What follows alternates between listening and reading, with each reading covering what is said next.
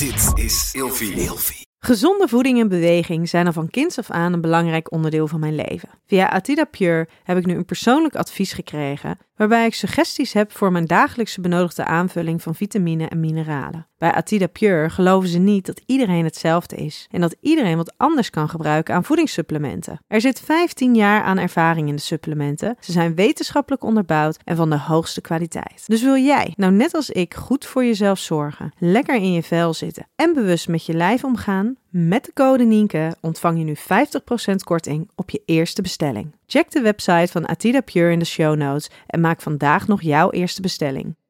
Ik heb nooit een relatie gehad hiervoor, omdat ik gewoon... Ik kon het gewoon niet bolwerken. Als ik iemand leuk vond, dan werd ik zo in de war. Of als iemand dan mij ook leuk vond, dan dacht ik... Gadverdamme, hij vindt mij leuk. Dit gaat helemaal uit de hand lopen. Ik kon niet relaxen. Ik vond het echt... Ik werd helemaal... Terwijl tot het op een gegeven moment goed zat. En dan denk je van, oh ja, dit is gewoon eigenlijk hoe het wordt. Welkom bij een nieuwe wekelijkse aflevering van Seks, Relaties en Liefdes. Waarin Nienke Nijman elke week openhartig in gesprek gaat met vrienden, familie en bekenden. Nienke Nijman is de host van deze podcast. Zij is psycholoog, systeemtherapeut, relatietherapeut, seksuoloog, auteur en columnist. In deze aflevering praat Nienke met Sophie Milzink. Zij is een van de grootste namen in YouTube Nederland. Influencer van het eerste uur met op dit moment ruim 300.000 abonnees op YouTube en bijna een half miljoen volgers op Instagram. Nienke praat met Sophie over de ware liefde, vreemdgaan, onzekerheid als tiener, een gebroken gezin en break-up video's. Ja, dat was een heel, eh, heel rijtje. Ja, ja, ik vind het een goede cv. Ja, ja. Hey, ehm, eh, welkom eh, Sophie. Dankjewel. Ik heb het genoegen om, van jou, om vandaag met jou te, te spreken in deze nieuwe aflevering van Seks, Relaties en Liefdes. Hey, toen ik jou vroeg waar, eh, ehm, waar jij het vandaag niet over wilde hebben, toen gaf jij vooral aan dat jij het heel belangrijk vindt dat datgene waar jij het over hebt, dat mensen daar wat van leren. Ja, Waarom vind je dat zo belangrijk? Nou, ehm, ja, ik, ik zend een hoop, eh, een hoop uit op het internet. En ehm, ja, sommige dingen, daar heb je wat aan en andere dingen niet. Maar omdat we natuurlijk nu over best wel een, ehm, ja, to- toch een, een interessant onderwerp gaan praten, denk ik, nou ja, ik zou het wel fijn vinden dat, ja, dat, dat de inhoud daarvan ook ja, interessant is voor mensen. Ik, ik zal uitleggen waar ik vandaan kom. Ik heb wel eens interviews gedaan dan ging het ook over seks. En dan was het voornamelijk heel plat.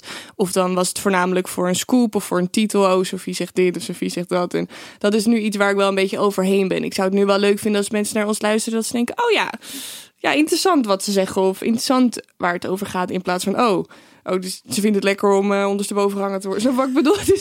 Is, Vind jij dat lekker? ik vind dat heerlijk. Ja, nee, maar absoluut. Nee, maar bij mij is het toch vaak, als het over seks gaat, is het vaak een beetje in een platte context. En ehm, ik wil het overal wel over hebben, maar wel, ja, gewoon op een eh, inhoudelijke manier. Ja. En je hebt sowieso ook een interesse in psychologie Ja, zeker. en in relaties. Ja, Ja. ja. absoluut. Het is eh, ja, toch iets wat me in die zin wel bezighoudt om er ook meer over te leren. En ja, Ja, hey, en eh, naast die psychologie, seks en relaties hebben wij natuurlijk nog een eh, overeenkomende liefde. En dat is Schiedam. Oh ja, ja, ja, ja, ja, ja, want ja. Jij, jij, nou ja, jij, houdt van een man die uit Schiedam komt. Absoluut, ja. Absoluut. Absoluut, ja. Nog even ter bevestiging. Ja, ja. Brian, als je luistert, love you. nee, ja, mijn vriend die komt uit Schiedam. Ehm, maar ja, hij is nu overgestapt naar 010. Ja, dus, heel slecht. Nee, dit is 010. Oh, deelt weer.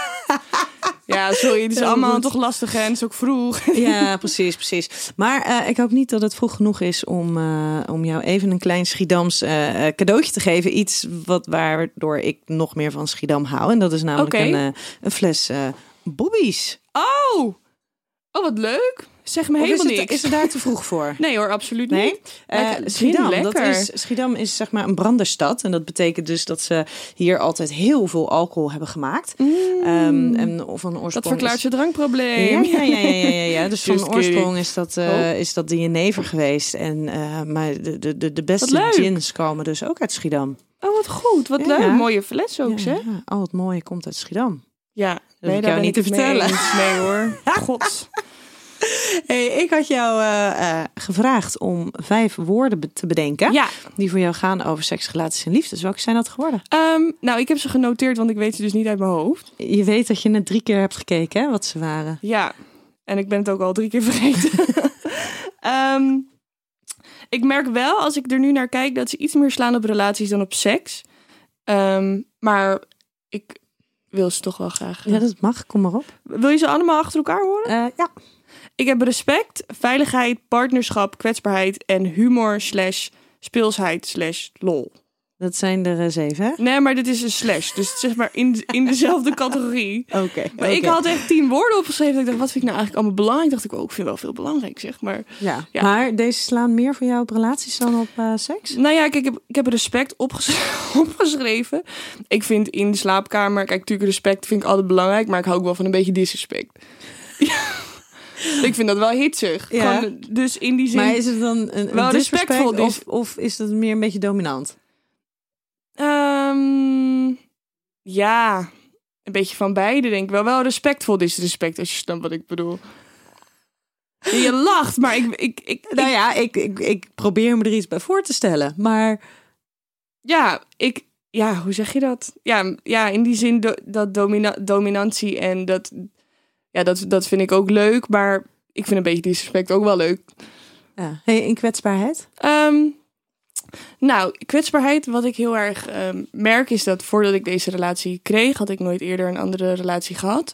En ik vond het altijd heel lastig om mezelf kwetsbaar op te stellen. En wat ik nu heel erg merk, is dat, ja, doordat er in deze relatie heel veel ruimte voor is, dat ik juist door mezelf kwetsbaar op te stellen veel dichter naar de andere persoon toekom. Dus ja, in die zin merk ik dat hetgene wat ons bindt wel heel erg is wanneer we kwetsbaar zijn geweest of wanneer we ons kwetsbaar heb- hebben durven opstellen. Dus het voelt voor mij wel alsof kwetsbaarheid iets is wat ja, toch, toch wel echt de relatie ja, toch, toch meer diep, diepgang geeft in die zin. Ja, maar ja, het is ook een van de voorwaarden om überhaupt een verbinding met iemand aan te gaan, is Mhm. door je kwetsbaar op te stellen. Ja, En mensen die hebben dan altijd het idee dat het alleen maar gaat over echt over hele grootse dingen. Maar het gaat Mhm. juist, ook, juist ook over de hele kleine Ja. dingetjes waarin je onzeker bent of dat je misschien wat twijfels hebt. ja ik, ik heb heel erg geleerd en gemerkt ook dat kwetsbaarheid eerder iets is eh, als een iets is als een kracht, anders dan dat het voelt als een zwakte. En ik dacht altijd, oh ja, als ik me kwetsbaar opstel, dan laat ik te veel van mezelf zien. En dan eh, nemen mensen daar een loopje bij. En nu merk ik juist, nee, als ik mezelf kwetsbaar opstel, dan krijg ik daar eigenlijk veel meer voor terug.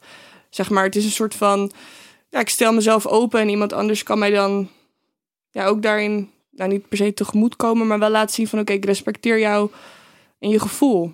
Ja, maar dat is heel fijn, ja. ja. want het gaat eigenlijk natuurlijk in het, het, het oprecht tonen van stukjes van jezelf. Ja, dat is heel leuk. Ik heb in deze relatie geleerd dat het heel leuk is om. eh, ja, daar, dat daar ruimte voor is. Ja, ik, ja, maar ik dacht altijd, ik zag overal altijd. eh, overal zag ik altijd beren op de weg. En eh, ik dacht altijd van, nou, ik hou mezelf maar lekker bij mezelf, want dan word ik niet gekwetst. En nu denk ik van, nee, het is juist goed.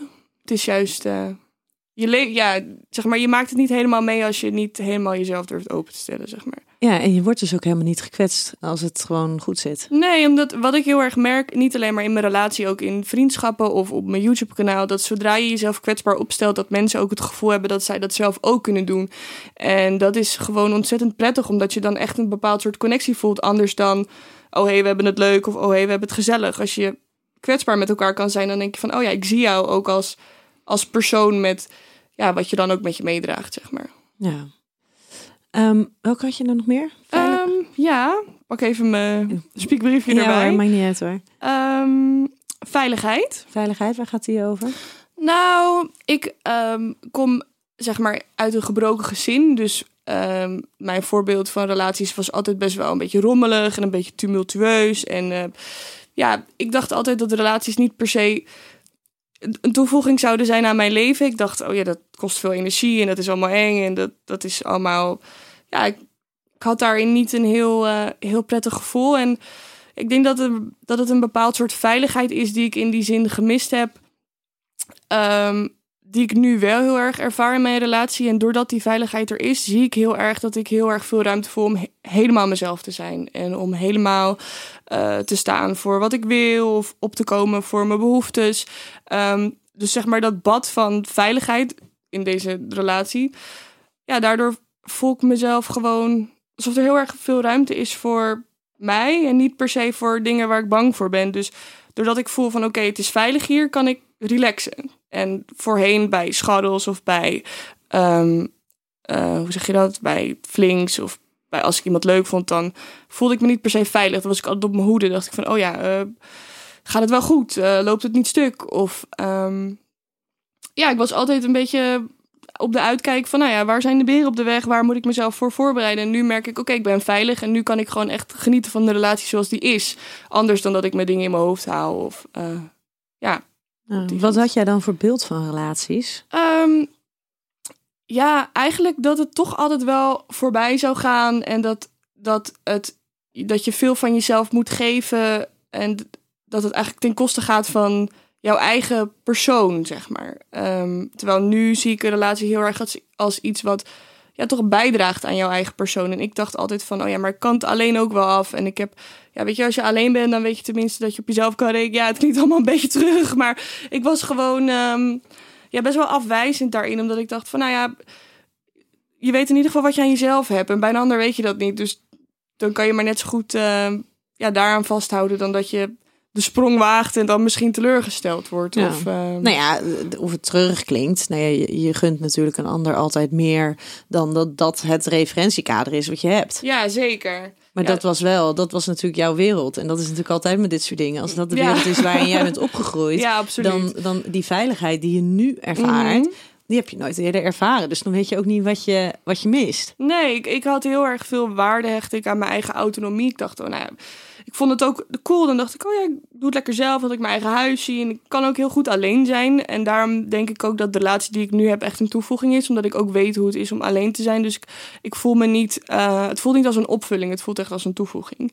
En doordat ik dat nu heb geleerd, denk ik ook dat wat er ook mag gebeuren. Ik bedoel, ik hoop dat ik nog zo lang tot zolang zal ze leven met hem samen blijven. Maar je weet natuurlijk nooit hoe het loopt. Dan denk ik wel van ja, er is voor mij wel echt iets veranderd. Ik heb daarin wel echt iets geleerd. Ja, maar, maar betrap je jezelf er nog wel eens op dat je denkt van, oh ja, dat, dat alleen zijn is ook wel prettig? Of was dat eigenlijk een soort van nou, er... schijn iets wat je voor jezelf hebt gecreëerd? Ja, ik denk dat wel heel erg dat het een beetje een schijnvertoning was. Omdat ik heel erg wel ook dacht van, ja, maar hoe kan je nou je leven met iemand delen en niet gek worden van iemand? Hoe kan je nou gewoon dag in dag uit met iemand optrekken? Dat leek me verschrikkelijk. Ik bedoel, we zijn ook best wel, heeft bij ons best wel even geduurd voordat we zijn gaan samenwonen. Omdat ik gewoon heel erg lekker vond, lekker mijn eigen huis. Maar ja, vervolgens ging ik wel elke dag bij hem zitten. Dus um, mijn gedrag was anders dan wat ik mezelf altijd voorhield. Ik vond het eigenlijk juist heel fijn om alles met iemand te doen. En juist nu ook. We zijn zeker ook door die coronacrisis dag in dag uit samen. Maar we, ja,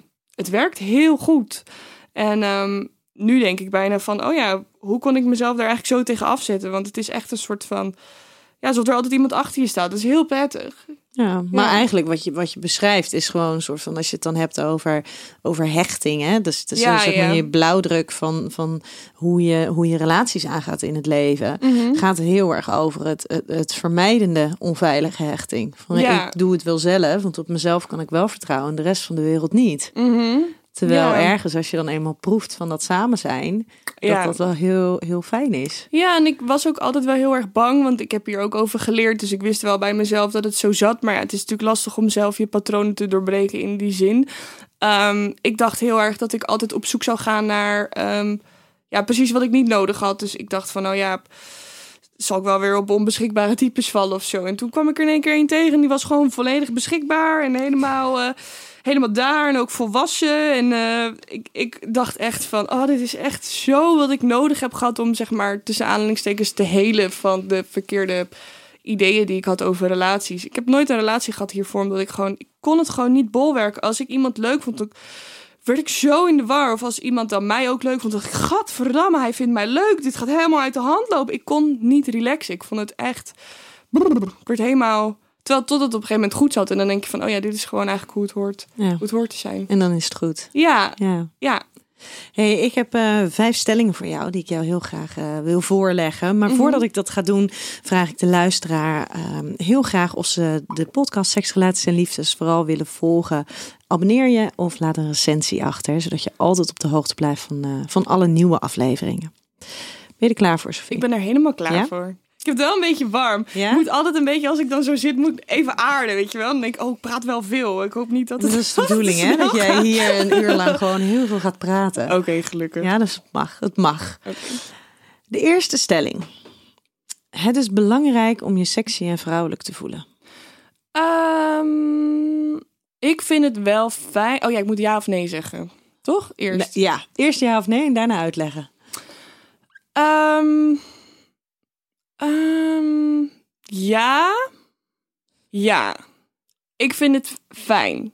Maar ik denk niet dat het een realistische verwachting is om jezelf altijd zo te voelen. En ik denk als je je er heel erg aan vasthoudt, oh ik moet me sexy en vrouwelijk voelen en het zit er gewoon even een keer niet in, dat, het, dat, dat je het jezelf ook niet moeilijker moet maken dan het is. Ik voel me wel regelmatig sexy en vrouwelijk, maar regelmatig ook absoluut niet. Ehm, ja, het is denk ik voor mij heel erg een soort golfbeweging. We- weten mensen dat van jou, denk je? Dat jij je af en toe ook helemaal niet sexy voelt? Ehm, nou ja, als ik met een knot op mijn hoofd mezelf van onderen film op mijn Instagram, dan denk ik niet dat mensen denken, nou, volgens mij zit ze lekker in de femini feminisme. Werkt Merk dat zo bij jou? Nou, ik merk als ik goed in mijn vel zit, dat ik me automatisch ook sexy en vrouwelijk voel. En ik merk als ik dan, eh, weet je, drie dagen in lockdown heb gezeten met mijn joggingsbroek aan, dan, dan is dat gevoel toch, toch, toch wel wat verder te zoeken. Ja, Hey, we hadden het net al eventjes snel hè, voor de aflevering eh, over, over bikinifoto's. ja. Zijn dat voor jou een, een, een, een beeld van sexy zijn? Ehm, nou, toen ik wat jonger was, denk ik wel. Wat ik me eigenlijk heel erg besef is dat ik mezelf toen ik een stuk jonger was, een stuk sexier profileerde dan dat ik me nu eigenlijk zou voelen. Ehm, ik denk dat ik toen ik jonger was veel meer het idee had dat, oh ja, als je dan jezelf sexy kleedt, dan krijg je aandacht en dat, dat voelt ook goed. Ehm, maar ja, zeg maar de eerste gedachte die dan heb is, nou dan trek ik gewoon mijn, kle- mijn kleding uit. In die zin eh, dat je een bikini foto post en dan krijg je daar positieve feedback op. En nu zie ik sexy veel meer als iets, ja, wat toch inderdaad in die zin, wat je uitstraalt of wat je, ja, een bepaald soort zelfverzekerdheid die jou gewoon, eh, ja, la- snap wat ik bedoel? Mhm. Ehm, een bepaald soort air die je om je heen hebt, anders dan dat ik eh, met een crop top loop of met een veel te kort broek. Ik droeg vroeger altijd korte broekjes en altijd crop tops en altijd ja, zo bloot mogelijk. Dat was voor mij een beetje een soort van ja, jongere versie van oh ja, dit, dit is hoe ik denk dat het is om sexy te zijn. En nu merk ik van nou ja, sexy gaat eigenlijk veel verder dan sexy kan ook een glimlach zijn als jij gewoon op een bepaalde manier ja, ik vind het lastig om het uit te leggen, maar het is toch Vroeger dacht ik wel heel erg van, oh ja, als ik me dan sexy kleed, dan ben ik sexy. En nu denk ik van, nee, sexy is toch wel meer dan dat. Ja, het was mooi, want ik, ik zag jouw Instagram pagina. Ja. En eh, daar zag ik dus inderdaad, eh, dacht ik, heel mooi een, een verandering waar te nemen.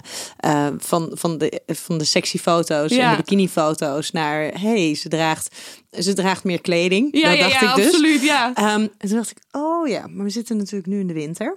Nee, Ehm, nee, nee. Dus het kan natuurlijk best zijn dat het gewoon nu is. dat het koud is. Dat het koud is. Nee, dat heb jij heel goed op. Dat is jou heel goed opgevallen. Want voorheen ging ik ook rustig in de winter in mijn blote reet ergens eh, in een li- lingerie setje liggen. Ja.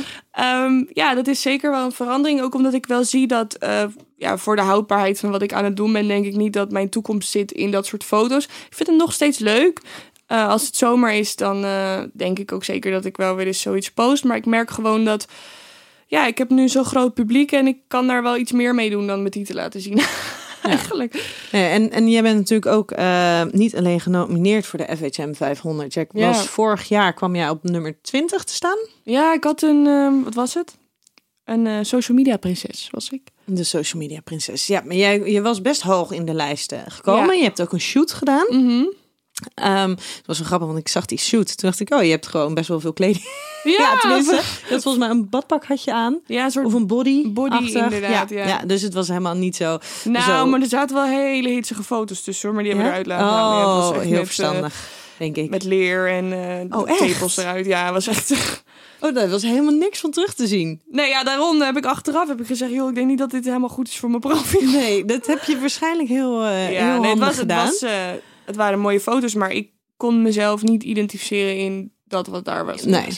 Hey, en als je het dan hebt over het stukje ehm, eh, overal iets educatiefs in willen zien. Dus echt iets willen, willen meegeven aan, aan de mensen die het zien, aan jouw volgers.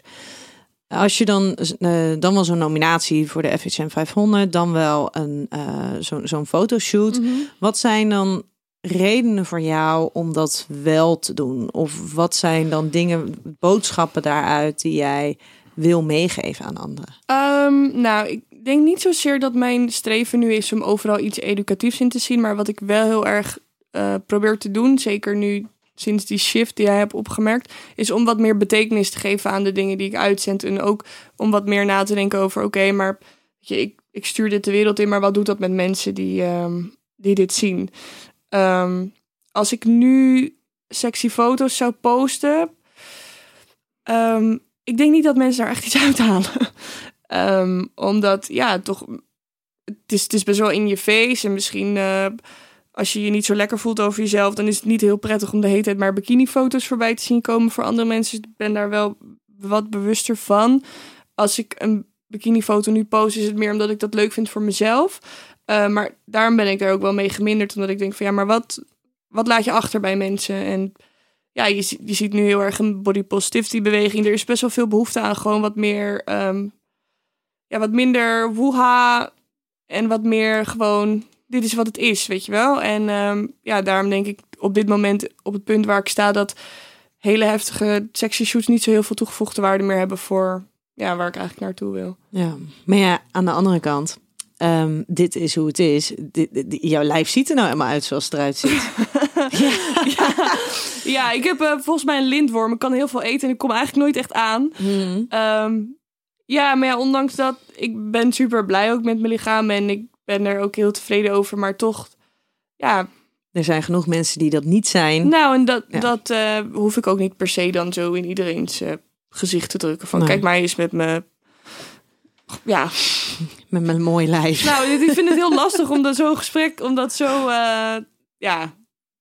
Ja, ik vind dat een lastig, lastig onderwerp eigenlijk om het zo over te hebben. Maar ja, ik denk ook van, er zit meer bij. En ik denk dat ik meer ermee kan. Gewoon niet ja. met mijn lichaam, maar gewoon met wat ik uitzend. En wie je bent. Ja, exact, ja. En je bent ik, niet alleen maar je lijf. Nou, wat ik heel erg merkte was destijds, ik denk dat het twee of drie jaar geleden was, dat werkte toen gewoon ontzettend goed. Dat je dan post je een bikinifoto, dan kom je op de explore page en dan krijg je weer tig volgers erbij. En het is ook heel erg een soort van...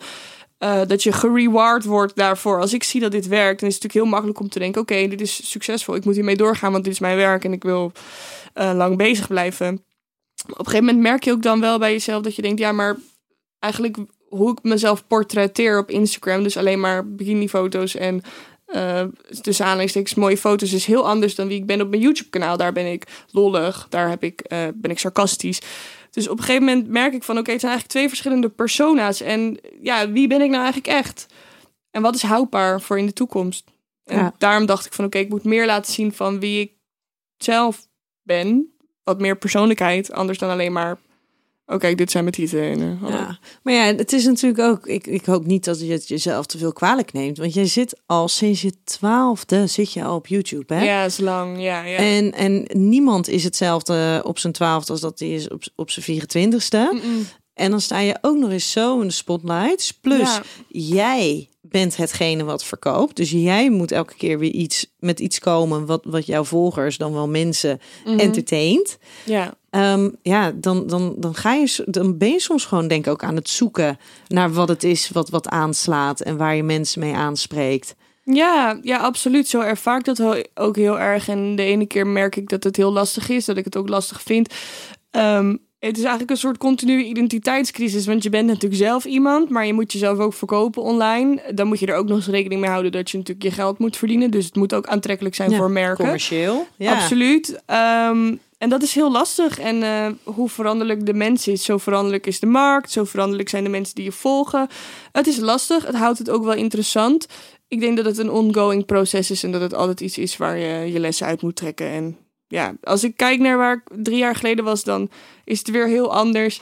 Wat ik voor nu gewoon heel erg belangrijk vind voor mezelf, is dat het, ja, dat wat ik doe, dat het wat meer inhoud heeft en ook wat meer betekenis voor mezelf. Omdat ik dan denk van hoe het ook loopt, als het voor mezelf gewoon, als ik het gevoel heb dat het echt helemaal vanuit mezelf komt, dan ja, sta ik gewoon achter mijn content en dan weet ik van, mocht het in de soep lopen, dan heb ik in ieder geval gehandeld vanuit, ja, mijn authentieke zelf. Ja. Hey, en heeft jouw vriend daar nog wat mee te maken gehad? Met, met die verandering? Um, nou, nee, niet per se. Het is natuurlijk wel als je een relatie hebt, dan hoef je natuurlijk niet per se hitsig, geworden te, hitsig gevonden te worden door, door heel het internet. Nee, ja, dat, ik denk dat het voor iedereen wel een beetje een soort van eh, golfbeweging is. Als je vrijgezel bent, dan profileer je jezelf natuurlijk net even wat anders online dan wanneer je een relatie hebt. Hij staat daar helemaal achter in de zin van hij heeft zoiets van wees jezelf en post wat je wil posten. Hij maakt zich ook echt niet druk om de reacties die daar dan omkomen, want hij ja, zit gewoon goed in zijn wel, dus dat maakt hem niet uit. Ehm, ja, dus in die zin niet per se, maar ja, ik merk gewoon dat ja, doordat ik wat serieuzer ook in het leven sta, doordat ik een wat serieuzere relatie heb, merk ik ook gewoon van ja, ik probeer gewoon wat meer betekenis te zoeken erin in, in plaats van alleen maar te zenden eigenlijk. Ja. Oh. Maar laat hier alles. Hey, de volgende eh, stelling. De ware liefde bestaat. Ehm, nee. Nee? Nee, ik heb een hele mooie metafoor gehoord ehm, van iemand. Ik geloof wel, zeg maar, dat je heel goed bij iemand kan passen. Maar ik geloof ook dat er heel veel factoren zijn waardoor een relatie werkt of niet.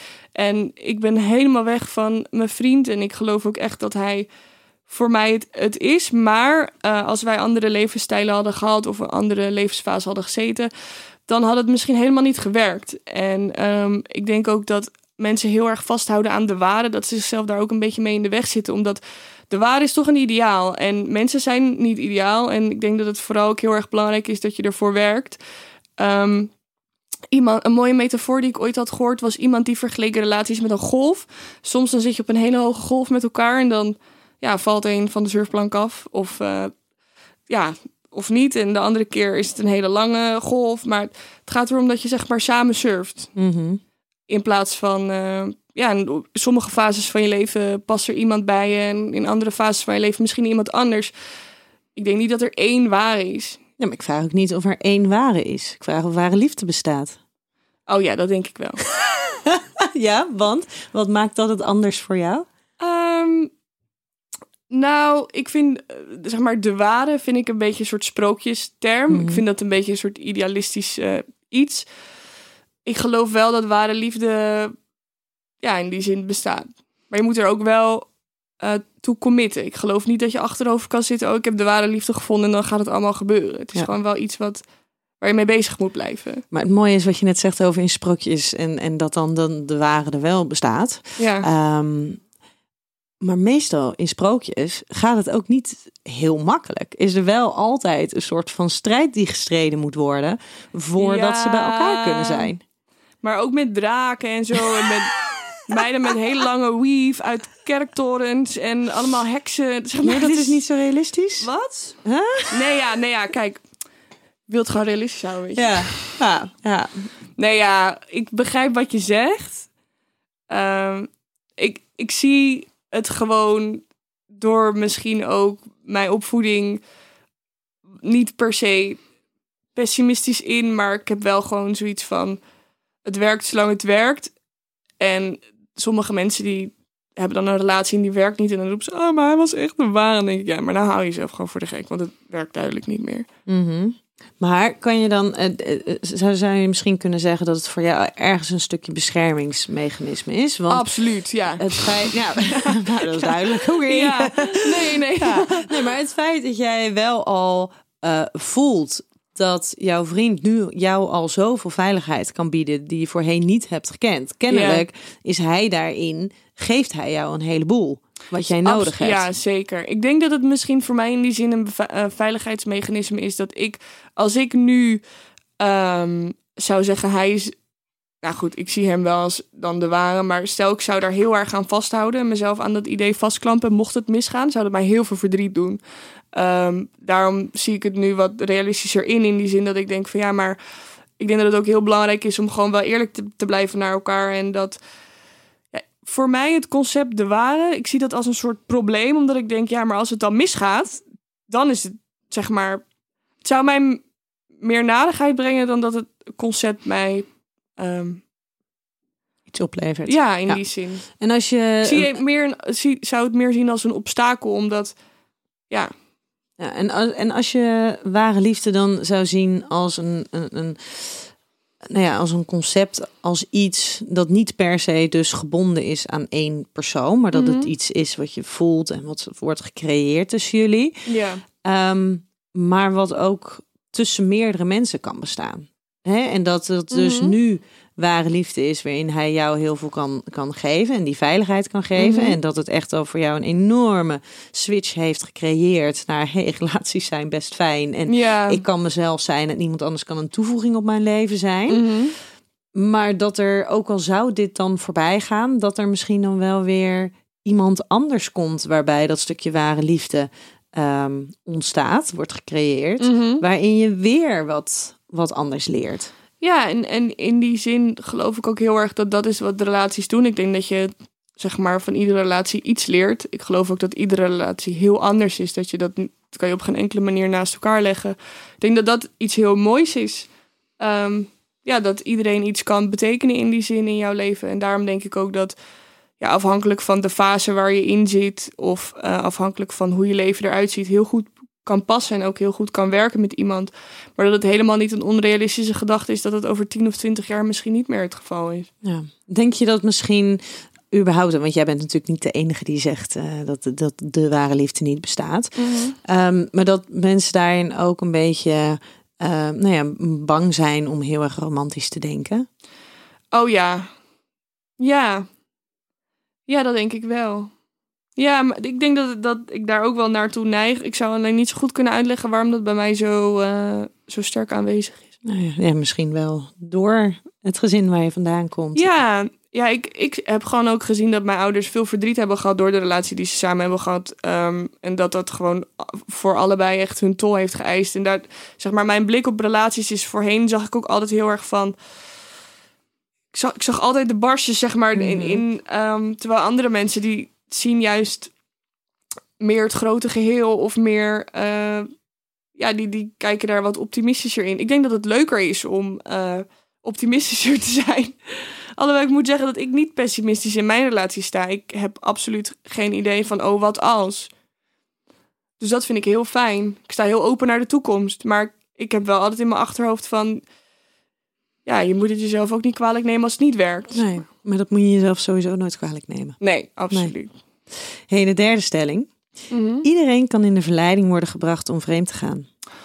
Ehm, oh ja, dat denk ik ook wel, ja. Ja, Hebben jullie daar samen wel eens eh, gesprekken over, jij Ja. en je vriend? Ja, het is nog niet voorgekomen.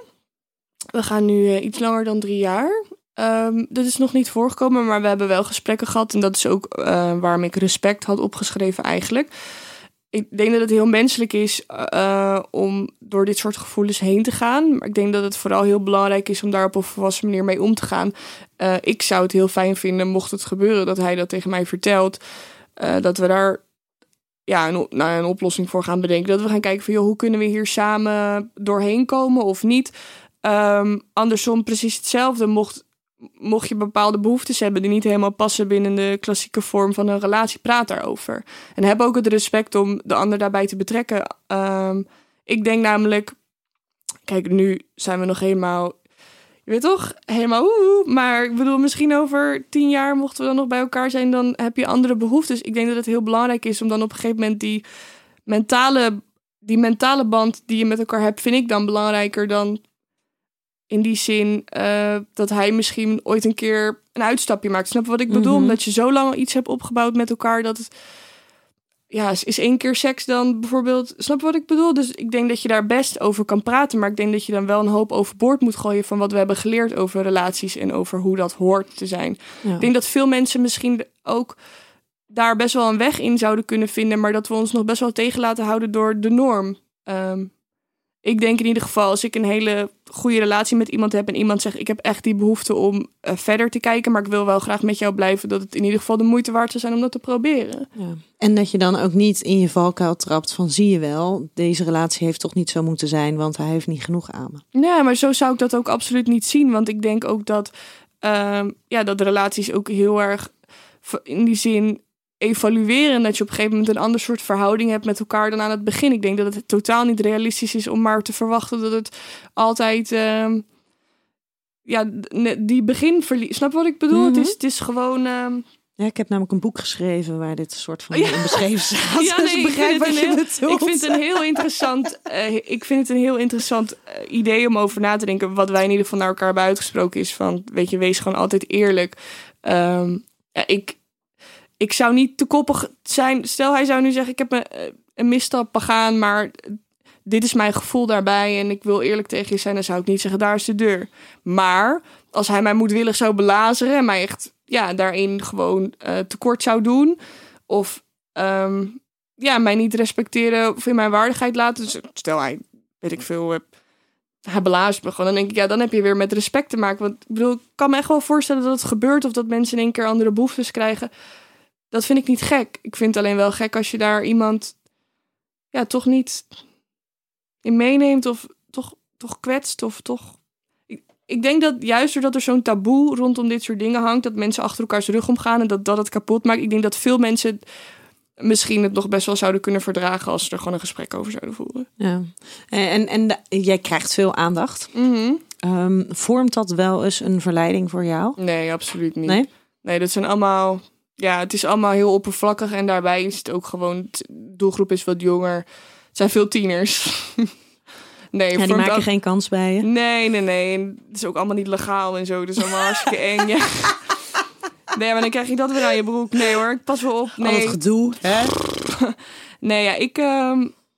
Nee, maar zeg maar, ik vind mijn vriend ook de allerleukste. Dus ik heb dat mhm. nu, nu zie ik dat niet zo. Is, is er gewoon eventjes uh, fantaserend, hè? Is er, is er een man waar, of een vrouw waarvan jij denkt, oeh, als ik die ergens nog eens een keertje tegen zou komen op een, op een feestje of zo, dan zou ik me daar wel door laten willen verleiden? Oh nee, dat, ik heb die vraag regelmatig gehad, maar ik kan oh. me daar nu even niks bij bedenken.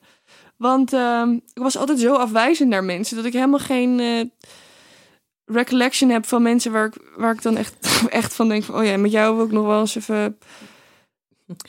Even op nee, kop hangen. Kan, ik kan er, nee, op zijn kop aan het plafond. Nee, ik heb er nu even geen, uh, even geen, nee, geen, geen beeld bij. Nee. Jij wel?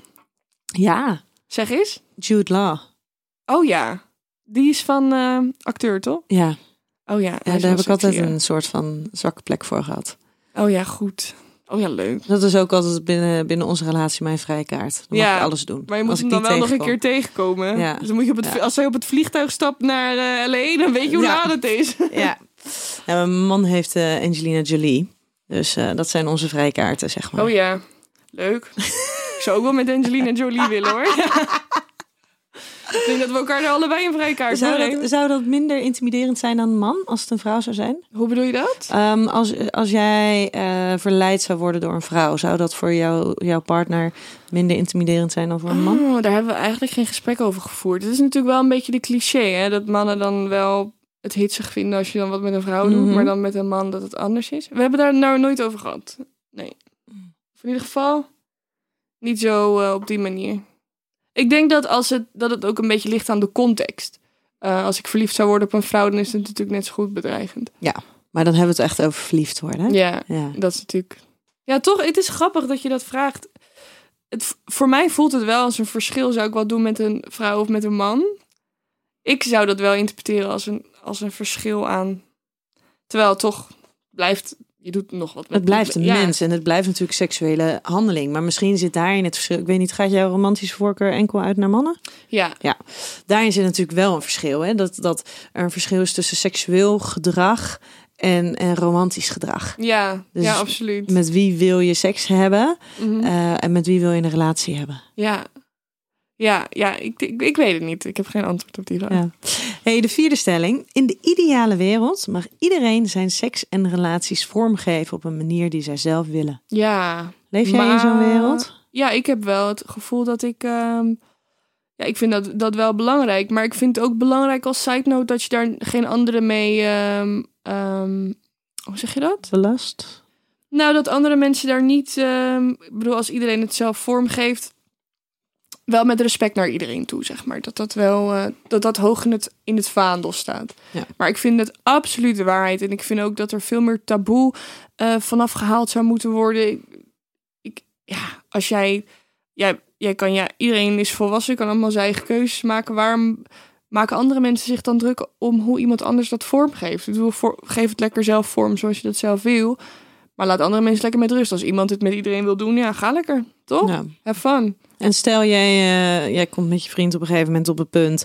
Um, en, en, en jullie zien ook andere mensen binnen jullie, uh, binnen jullie relatie.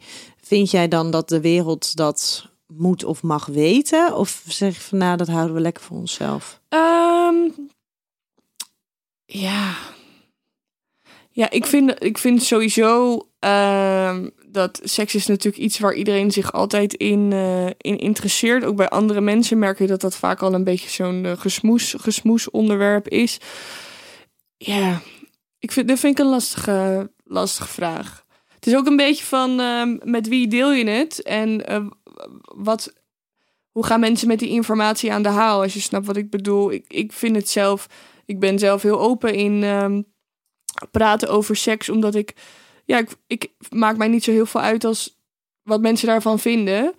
Eh, toch is het wel vervelend als mensen daar toch op een bepaalde manier. eh, ja, Afwijzend op reageren? nou Of- ja, het is toch iets privé. In die zin Ja. van, het gaat, andere mensen hebben er niet zoveel mee te maken. Dus ik, als ze ernaar vragen, zouden ze het mogen weten. Maar ik heb toch dan wel zoiets van, nou, ja, leven laat leven. En sommige mensen zijn dan toch, ja, die houden zich er dan toch weer iets te veel mee bezig. Ja, maar het- ik, ik zag ergens onder een video van jou staan. Ehm, toen was jij bij iemand anders. Dat was met een koken, met Nina. Oh ja, Ja. En daar werd dus iets werd daar over jouw relatie gezegd. En toen lag, zag ik in de comments. ehm, zag ik dus dat mensen erop reageerden of erover vielen. Over het feit dat ze niet wisten dat jij een vriend had.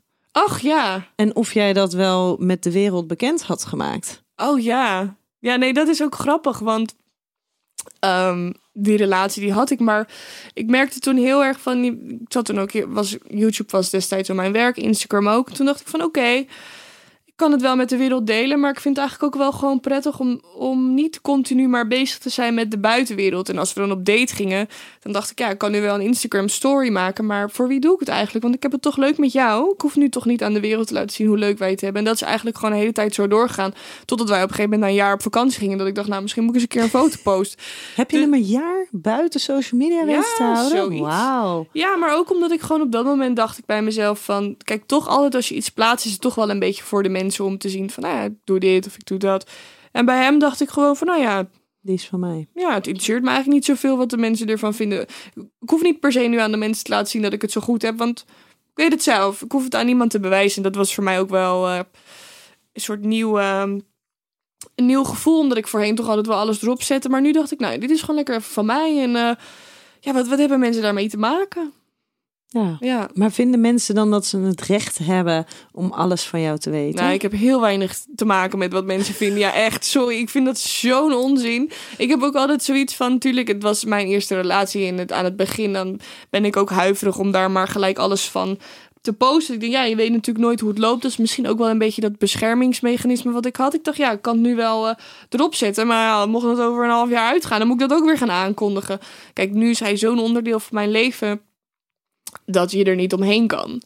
Ehm, maar ik vind dat ik aan niemand iets verschuldigd ben. Ik vind het ook altijd zo tergend als dan mensen dan een break-up video moeten gaan maken. Ik denk, jongens, doe lekker. Ja, sorry dat ik eh, niks van me heb laten horen. Het is uit en jank, jank, jank. En denk ik, ja, je hoeft dat helemaal niet te doen. Die, wat, die, wie denken die mensen wel niet dat ze zijn? Ja, het is leuk dat ze jou volgen op Instagram. En het is misschien wel handig als mensen denken, oh ja, hij is al zes maanden niet in beeld. Dat je zegt van, joh, het zit zo.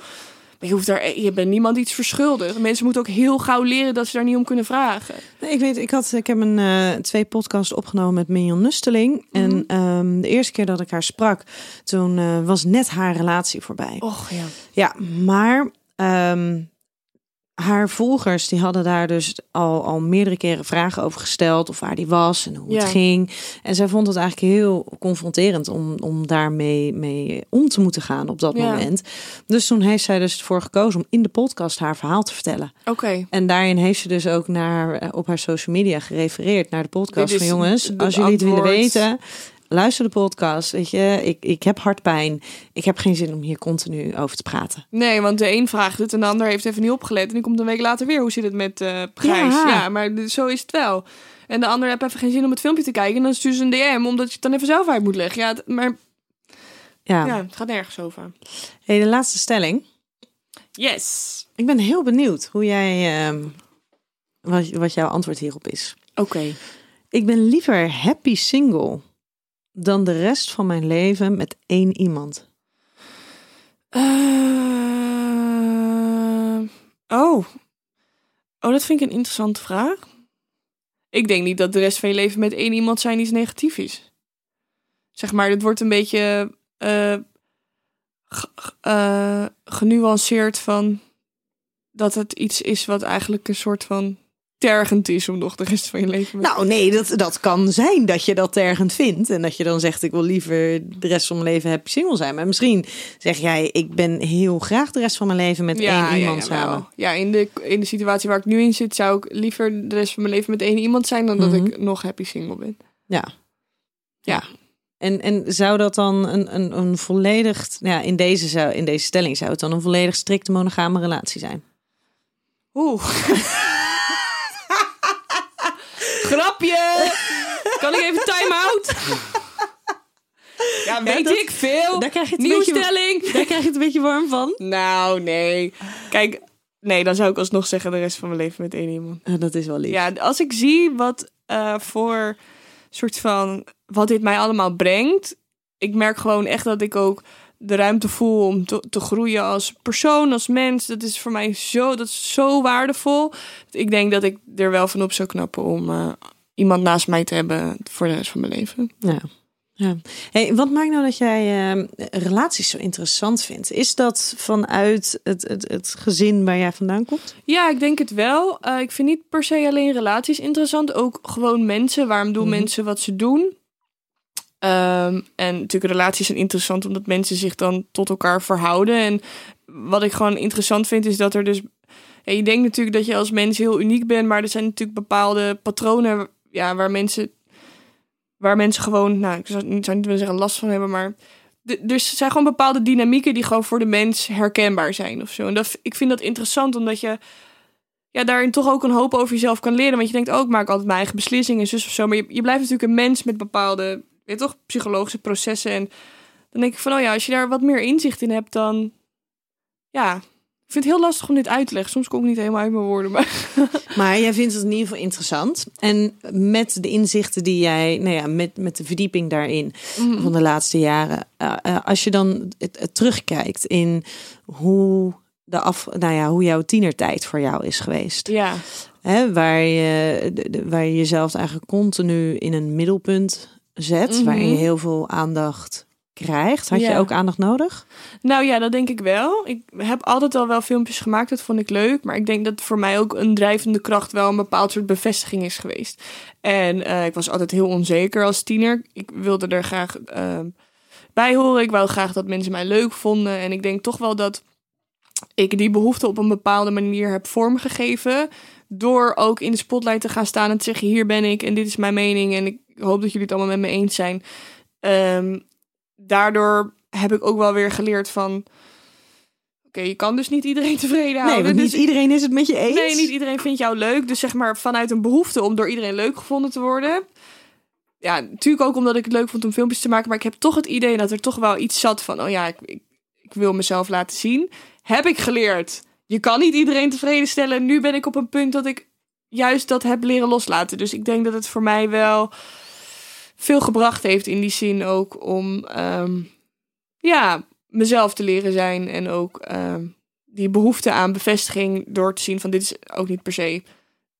Je moet het niet uit andere mensen halen, je moet het uit jezelf halen. Maar dat heb ik wel geleerd doordat ik het uit andere mensen heb gehaald en heb beseft: oké, het is leuk als je het krijgt, maar als je het niet krijgt, dan voel je je beroerd. Dus het moet ergens anders vandaan komen, want zo kan je ook niet leven. Nee. En dan als je, het, eh, als je het dan over golven hebt, dan zit je continu zit je of op een enorme hoge golf, Ja, absoluut. of je zit op een hele lage. Ja, en dat is natuurlijk ook zo. Als ik iets had gemaakt wat heel erg goed scoorde, dacht ik: wow, het scoort goed. En eh, succes. En jee. En dan voelde ik me goed. En als ik dan iets maakte wat niet goed scoorde, dan besefte ik me van: ja, oké, eh, ik ben niet goed genoeg. Doe ik het wel goed? En dat, zeg maar, dat, eh, die afhankelijkheid van iets wat zo erg buiten je ligt, dat heeft mij wel doen beseffen van: oké, dit, kan niet op deze manier. Want ja, dit hou je niet vol. Ik denk dat het voor heel veel mensen zo is die in deze branche, branche die in deze scene werken, dat ze zich beseffen van je kan daar niet afhankelijk van zijn, want het is te, ehm, zeg je dat, wisselvallig. Ja.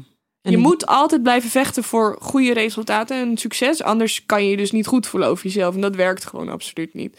Dus dat is wel iets wat ik geleerd heb. Dat is misschien wel de meest waardevolle les die ik heb gehaald uit dit werk. Ja.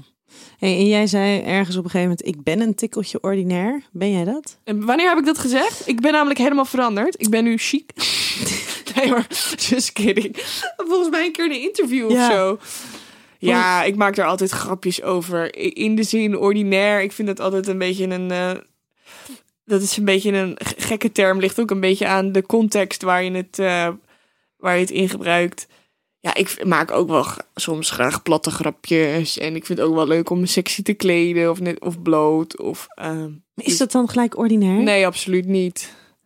Nee, ja, ik weet ook niet precies wat de context was van die video. Ja, het was, eh, of het was met Gwen van Poorten. Oh Het interview. Ja. Ja, en daar, werd, daar zei je dus van, ik ben, ik ben ook gewoon een tikkeltje ordinair. Ik dacht, ja, maar is dat, is dat echt zo? Of is het wat overkomt als part of the act? Nou, ehm ja. En als het wel zo is, is het ook prima, hè? Nou, ik zit, nu na, ik zit nu na te denken. Ik denk dat in die zin dat ordinair dan ook overkomt als iets negatiefs. Ik vind dat ook niet per se iets negatiefs. Dus in die zin ben ik soms wel gewoon een beetje plat en soms een beetje. Ja, ik kan ook wel seksgrapjes meemaken met gasten of zo. Snap je? Dus de- in die zin zou ik dan zeggen: Oh, soms ben ik een beetje ordinair. Omdat ik misschien ook een beetje plat uit de hoek kan komen soms. Ja. En, en vind jij jezelf echt een, een, een seksueel wezen? Ehm, ja, het is voor mij zeker een belangrijk iets. Toch zie ik wel dat ik jong ben en dat ik ook bepaalde eh, dingen heb meegekregen vanuit mijn jeugd. Dat het wel iets is waar ik wat meer in zou kunnen. Hoe zeg je dat? Niet relaxen, maar het is voor mij wel dat ik denk van, oh ja, ik zou dat wel wat meer willen leren. Wat meer de, dat bewustzijn, als je snapt wat ik bedoel. Ja, maar je bent ook nog hartstikke jong, hè? Ja, daarom. Dus ik zie het ook iets van iets, iets als een soort van reis of zo. En ik heb het gevoel dat ik nu aan het begin sta van die reis. Ik voel mezelf wel een seksueel wezen. Ik ben me ook bewust van mijn seksualiteit. Ik hou ook van seks. Maar ik heb wel zoiets van, ik geloof wel dat er ook een groei in te maken is. Dat je daar ook dingen van moet loslaten die je meedraagt van bijvoorbeeld eh, ideeën van je ouders of, eh, weet je, wel, de, de maatschappij. Ik geloof dat dat wel iets is waar ik nog, ja, waar ik aan het begin van sta in die zin. Ja. Wel mooi dat je dat voelt. Dat je, dat, dat je in zo'n transitiefase zit. Nou ja, wat ik me dus heel erg eh, herinner is... als ik bijvoorbeeld seks had voordat ik een relatie had... dan was het vaak ja, gewoon absoluut emotieloos. Ik had nooit seks met jongens die ik leuk vond... want dan vond ik het allemaal weer te ingewikkeld. En het, was gewoon seks, weet je wel. En nu begin je ook meer te leren van... oké, er is meer dan gewoon neuken. Als je snapt wat ik bedoel. Uh, dus dat is iets wat ook komt met leeftijd en met ervaringen. Dus ik, ik sta er heel open in, in die zin. Ja, ja. Hey, en um, jij ziet de toekomst wel samen met, met, met jouw vriend? Mm -hmm. Mm -hmm. Ja, ik zou dat wel... Uh, dat spreken we ook naar elkaar uit. Dat we het heel leuk zouden vinden om heel oud te worden met elkaar. Ja. ja. ja. Zijn er dingen die hij niet van jou weet? Nee. Nee, ik ben echt heel, uh, heel open richting hem. En dat vind ik ook heel fijn. Daardoor heb ik ook het gevoel dat hij mij ook ziet voor wie ik ben. En andersom ook. Daarom zie ik ook wel graag die toekomst. Dat ik gewoon denk van oké, okay, jij, jij kent mij als mij. En je houdt van mij om mij. Dat is gewoon heel fijn. Ja. En die, die seksuele reis, maak je die alleen? Maak je die samen? Ja, samen. Ja? Tuurlijk, het is fijn om daar iemand, uh, iemand naast je te hebben die, daar, uh, ja, die daarbij is. Plus ook hitsig natuurlijk om dat samen ja, toch? Ja. En we zijn er dan niet dingen die, die je daarin in, in alleen doet, die je zelf doet? Um, hoe bedoel je dat? Nou ja, um, geen idee. Uh, maar dat, eh, je kan natuurlijk alles samen doen. Je kan natuurlijk elk seksueel contact wat je hebt, kan je samen doen. Uh, je kan elke fantasie hebt, die je hebt, kan je samen delen. Ja. Um, maar je mag natuurlijk ook gewoon je eigen stukjes houden. Jawel, ja, zeker. Maar tot nu toe heb ik wel altijd gewoon de behoefte gevoeld om dat met hem te delen. Ja.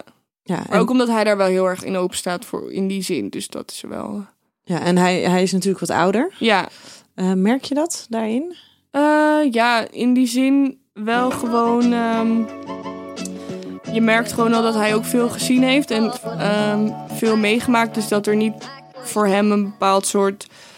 Uh, wat ik vaak ervaarde met wat jongere jongens was een bepaald soort. Niet per se gehaastheid, maar wel een bepaald soort. Um, die hadden zelf. Hij is wat meer gezetteld in zijn zijn. Uh, waardoor er voor mij ook veel ruimte is om te kijken van, oh ja, wie ben ik en wat wil ik en zo. En doordat hij dat al heeft gezien, zeg maar, als je twee mensen hebt die nog heel erg zoekende zijn, is het soms lastig omdat je allebei een andere kant op zoekt, zeg maar. En ja. hij is er gewoon bij mij, dus dat is fijn. Hij is er gewoon. Ja. ja. Hey, Voordat wij hem ehm, gaan afronden, Mhm. ehm, wat, wat zou jij de luisteraars nog willen meegeven? Nou ja, dat, dat gevoel wat ik nu heb in mijn relatie, dat ik helemaal. eh, wat ik vaak zie bij vriendinnen, is dat ze soms eh, met jongens gaan en dan. Ja, dan gaat het eigenlijk niet goed. En dan is, is er weinig respect. Of dan blijven ze toch hangen omdat ze denken: oh ja, misschien is dit het wel of niet. Ik geloof heel erg dat als het, als het goed zit, dan voel je dat heel erg. En dat is heel belangrijk om dan op je intuïtie af te gaan. En ehm, dat je niet moet blijven hangen in dingen waarvan je diep van binnen weet dat het niet goed voor je is. Want het komt uiteindelijk wel op je pad. En als dat op het moment niet zo is, dan denk ik dat je beter af bent met jezelf. Als zeg maar happy single. Het is denk ik belangrijker om ja, die vervulling in jezelf te zoeken. Totdat er iemand voorbij komt die daar ja, die iets kan toevoegen. Ja, Ja. in plaats van dat je iets gaat zoeken wat iets opvult. Omdat ik denk dat je jezelf dan heel erg tekort doet. Ja, ik denk dat dat eh, hele mooie woorden zijn om nog eh, deze aflevering af te sluiten. Yay. Wow, ik heb zoveel gepraat. Ik hoop echt dat- het niet helemaal het voelt als één brei. Ik denk dat dat wel meevalt. Ik wil jou in ieder geval heel erg bedanken voor jouw eh, openhartigheid. Ja, of course. En lieve luisteraars, dank dat jullie er weer waren. En heel graag tot volgende week. Doei!